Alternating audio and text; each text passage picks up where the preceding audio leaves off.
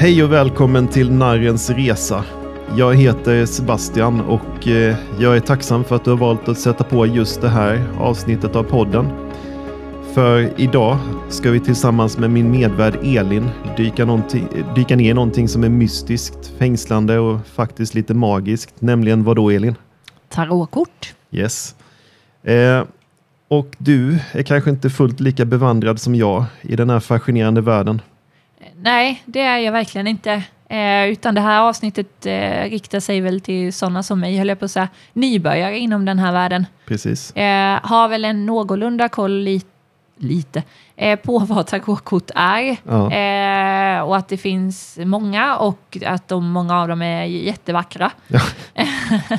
Men det är väl i stort sett allt. Exakt. Men eh, både du som lyssnar och Elin kan säkert lära sig ett och annat idag så att jag hoppas att ni tillsammans får ut någonting av det här poddavsnittet. För just tarot är ett ämne som ofta rör upp mycket känslor. Det kan vara både nyfikenhet, skepticism eller till och med ja, ett litet mått av rädsla. Eh, men jag hoppas att vi idag ska kunna lyckas reda ut några saker och kanske glänta lite grann på dörren till en ny värld. En värld full av insikter, självkännedom och även en gnutta mystik. Själv kom jag i kontakt med tarot i samband med att jag gjorde research för en artikel som jag skrev åt en kund. Eh, jag blev först fascinerad, sen lite skeptisk och till slut helt fängslad av hur korten kunde spegla olika aspekter av mitt liv och de olika frågor som jag brottades med. Eh, sen dess har jag inte bara tagit steget till att införskaffa en tarotlek utan man kan nog säga att jag har till och med börjat samla på dem. Eller vad skulle du säga Elin? Det skulle jag absolut säga. Du, du, du har också varit med och köpt några stycken åt mig. Ja, det har ja. varit en perfekt present. För det ja. finns som sagt många. Ja. Eh, och det är något speciellt med de olika tarotlekarna och deras bildspråk. Som du själv nämnde så är de ofta väldigt vackra. Eh, och när man väl har skaffat sin första lek så är det lätt hänt att det följer fler därefter.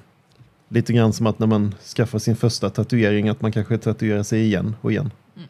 Håller med. Ja. Så att oavsett om du är skeptisk, nyfiken eller redan på väg att köpa din första tarotlek så hoppas jag att det här avsnittet har någonting för dig. Eh, vi ska gå igenom allt från tarons historia, de olika eh, systemen som finns och hur man gör en grundläggande läs läsning samt de eh, etiska aspekterna som man bör följa. Så sätt dig bekvämt, slappna av eh, och låt oss påbörja den här resan in i tarotkortens fascinerande värld. Eh, vad är tarot? Det har du kanske inte riktigt en djup aning om, Elin? Nej, det får du gärna berätta ja. eh, om. Ja. Det har en rik och komplex historia. Eh, de olika korten har sina rötter i flera olika kulturer och tidsperioder från antikens Egypten till medeltida Europa. Eh, ursprungligen så användes de som spelkort i Italien på 1400-talet innan de med tiden blev ett verktyg för spårdomskonst och eh, självreflektion. Men det finns olika system när det kommer till tarotkort. Ett av de mest kända det kallas för Rider Waite Smith. Eh, men det finns även Thoth, Tarot och Marseille. Eh, alla de olika systemen har sin egen estetik och symbolik men de delar även vissa grundläggande komponenter. Eh, som nybörjare så rekommenderar jag ofta att du tittar närmare på det här Rider Weight eftersom det är det mest använda och det finns även massor av resurser att lära sig om det. Och det är också de korten som man känner igen från filmer och tv-serier och sånt, eller hur? Ja, det kan jag hålla med om. Och jag vet att när jag skulle köpa en, en eh, tarotlek när du var också ganska ny inom den här världen. Mm. Eh, så googlade jag och då fick jag också fram att den är mest, den, det är den mest kända och att det finns mest ja, med liksom böcker och ja, eh, information om precis. det. Så, därför så det känns som ett, ett lämpligt, en lämplig, ett Va lämpligt val. system. Precis, ja, ett precis, lämpligt bra val, val för nybörjare. Absolut. Eh, men ni, du som lyssnar undrar säkert då hur skiljer sig tarot från andra metoder för spådom som till exempel astrologi eller liknande. Eh, en av de stora skillnaderna är att tarot erbjuder en visuell och berättande upplevelse. Korten kan läggas i olika läggningar eller stjärnor som de också kallas. Eh, och hjälper då till att forma en historia eller ge insikt i en komplex situation. Eh, och nu, kära lyssnare, så ska vi dyka ner i de grundläggande komponenterna som tillsammans utgör en tarotlek. Till att börja med så har vi den stora arkanan. Eh, tarotleken i sin helhet består av 78 kort, men eh, i den stora arkanan så är det 22 av dessa och de sträcker sig från narren till världen. Eh, dessa olika kort representerar livets stora händelser, utmaningar och andliga lektioner.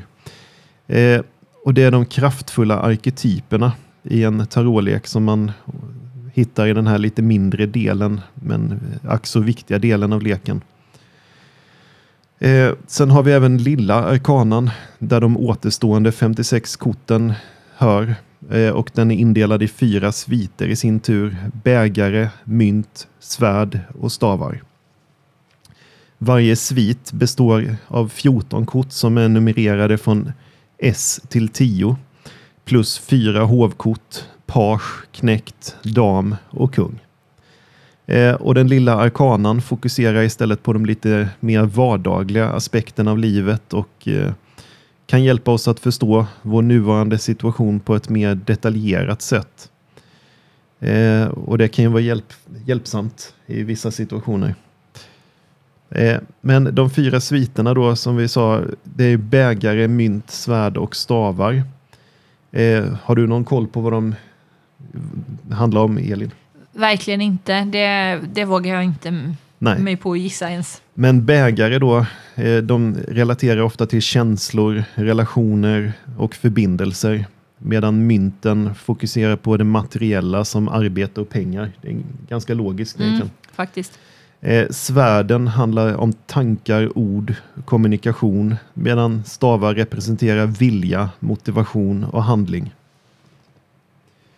Eh, och korten är som sagt numrerade då från S till 10 plus fyra hovkort som jag nämnde och varje kort har sin unika betydelse och tolkning.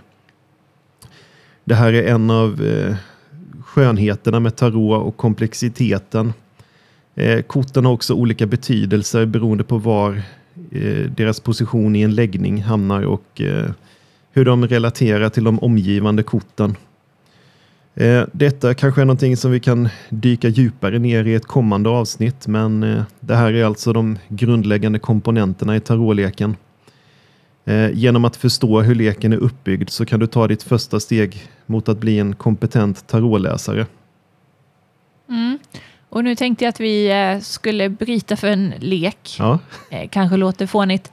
Men alltså det är ändå intressant, du som har lite mer koll än till exempel mig. Då. Ja.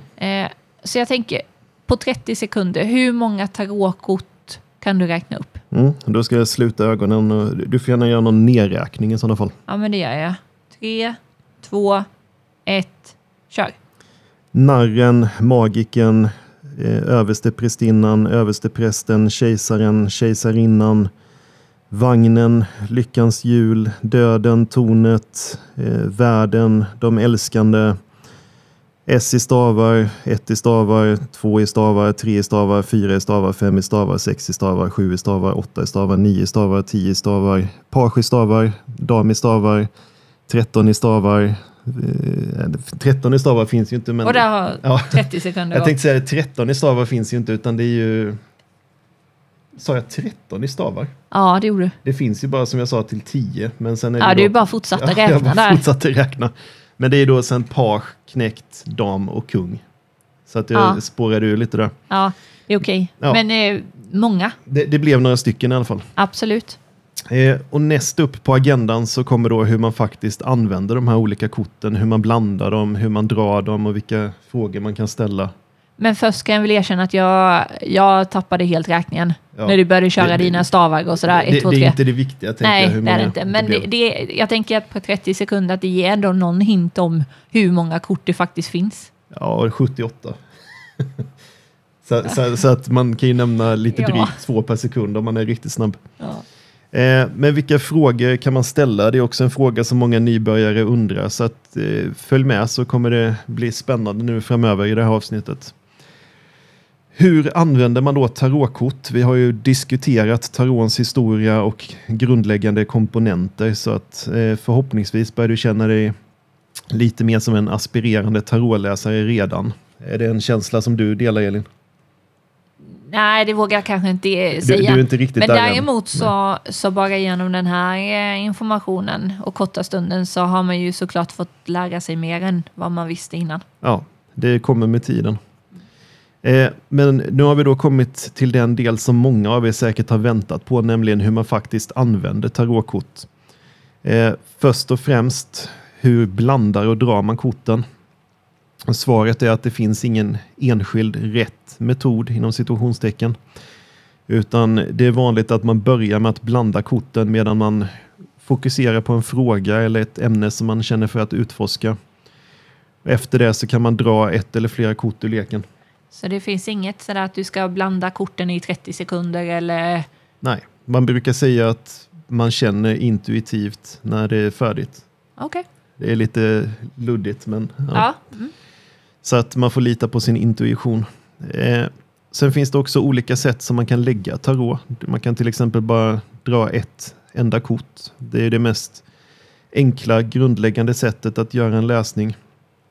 Eh, då får man en snabb inblick i en situation eller ett snabbt svar på en enkel fråga. Sen kan man också dra att man gör en läggning med tre kort. Det är en, eh, ett ganska vanligt sätt. Och då det kan gå till på lite olika sätt men ofta kan det första kortet då representera det förflutna. Det andra kort, kortet representerar nuet och det tredje representerar framtiden. Så då kan man få en inblick i både vad som har försiggått i det förflutna, nuet och framtiden och hur det hänger ihop. Mm. Eh, sen har vi också keltiska korset. Det är en lite mer komplex eh, tarotläggning med fler kort som används för att ge lite djupare insikt i en situation. Och innan man ger sig på den så bör man ha lite mer koll på de olika korten eftersom då är det många kort som är i spel samtidigt. Eh, och hur ställer man då en fråga? När du gör en tarotläsning så är det ofta hjälpsamt att ställa en klar och öppen fråga man eh, bör undvika ja och nej-frågor och istället fokusera på frågor som hur kan jag stärka relationen med min familj? Vilka steg ska jag ta för att utveckla min karriär? Eller vad bör jag fokusera på för att förbättra min hälsa? Eh, med det så har du fått en grundläggande förståelse för hur man använder tarotkort. Eh, du kanske fortfarande inte känner dig redo att göra din första läsning, eller vad säger du, Elin? Nej. Nej. Jag är inte där. Men eh, innan man kastar sig huvudstupa in i det hela så har jag faktiskt några viktiga tips och riktlinjer som alla nybörjare borde känna till, inklusive Elin. Förhoppningsvis har ju resan hittills varit givandes, men eh, det är viktigt att titta på de olika tipsen för nybörjare och de etiska riktlinjer som man alla bör beakta. Eh, när det kommer till tips för nybörjare så kan det vara en bra idé att börja enkelt. Det kan vara frestande att dyka rakt in i komplexa läggningar men ofta är det bäst att börja enkelt. Att man övar på tarotläggningar med bara ett till tre kort innan man känner sig mer bekväm. Jag måste få ställa den här frågan. Jag tänkte okay. jag skulle göra det förut. Ja. Finns det någon fråga, du säger att man ska använda öppna frågor och ja. inte ja och nej. Finns det frågor som man absolut aldrig ska ställa? Ja, jag tänkte komma in på det lite senare, men ah, vi kan dra det redan nu att eh, man bör inte kanske, när det kommer till medicinskt och juridiskt, men kanske inte vad andra personer... Man bör fokusera på sig själv, sina tankar, sina mm. erfarenheter, inte vad andra personer tänker eller gör eller liknande och likadant. Det kanske inte är helt okej okay att ställa frågor om liksom död och sjukdom. Och liksom, det, det, kan vara lite vad man själv har för etiska referensramar. Ja, men det, det, och jag tänker att för mig får jag nog ändå säga att det är ganska självklart att man inte ställer sådana frågor. Mm. Eh, men jag, man kan ju också förstå att det kan kännas lite lockande. Det kan det säkert göra. Och som sagt, det finns egentligen inget rätt eller fel, utan det är upp till var och en som läser tarot, vad man känner sig bekväm med. Mm. Eh, men också kan det vara värt att lära sig de grundläggande betydelserna men också att lita på sin intuition. Att man inte bara går enligt guideboken eller liknande, utan det är förvisso bra att man har en koll på kortens traditionella betydelser. Men eh, tarot handlar samtidigt också mycket om intuition. Så att om man känner en viss känsla i kroppen eller får en viss tanke när man ser ett kort så bör man lita på det. Våga lita på sin intuition. Eh, det kan också vara bra att föra en tarotdagbok där man skriver ner sina läsningar, frågorna som man ställde, korten som man drog och även hur man tolkar det hela. Eh, att göra det är ett bra sätt att hålla koll på utvecklingen över tid och ja, utveckla sin förståelse för tarot. Och sist men inte minst så övning ger färdighet som man bör öva, öva och återigen öva. För som med allt annat så blir man bättre ju mer man övar och det kan vara en bra idé att göra läsningar för sig själv, för sina vänner eller kanske till och med hitta på fiktiva personer som man läser tarot åt för att öva upp sin förmåga på det sättet. Smart tips. Ja. Men eh, när det kommer till etiska riktlinjer så dels om man tänker konfidentialitet, att om man eh, gör läsningar för andra utomstående personer så är det viktigt att respektera deras privatliv och att man eh, inte läcker deras känsliga information till andra personer. Eh, att man inte ger medicinska eller juridiska råd. Det här är någonting som inte nog kan understrykas och som jag själv nämnde förut så de etiska riktlinjerna, riktlinjerna kan ju variera från person till person och behöver inte vara skrivna i sten men generellt så bör man ju inte ta, använda tarot som, en, som ett substitut för professionell medicinsk eller juridisk rådgivning. Eh, och man bör även ha empati och respekt för att tarot kan beröra känsliga och personliga ämnen. Så man bör alltid vara empatisk och respektfull i sitt sätt att kommunicera de olika kortens budskap. Men med det, kära lyssnare, så har vi kommit till vägs ände i det här avsnittet och eh, hoppas att det här avsnittet har gett er en solid grund att stå på när ni tar era första steg på Tarots spännande och ibland mystiska väg. Känner du att du har lärt dig någonting Elin? Absolut. Eh, med det sagt så vill vi tacka för att du har lyssnat på det här avsnittet av Narrens Resa. Jag heter Sebastian. Och jag heter Elin. Och det har varit en eh, ära att vägleda dig genom eh, Tarons underbara värld. Så glöm inte bort att prenumerera och lämna en recension om du gillade det här avsnittet. Så hörs vi igen i nästa avsnitt. Eh, och i det nästa avsnittet som släpps samtidigt som det här så kommer vi att utforska olika tarotlekar lite mer ingående. Tills dess må korten vara med dig.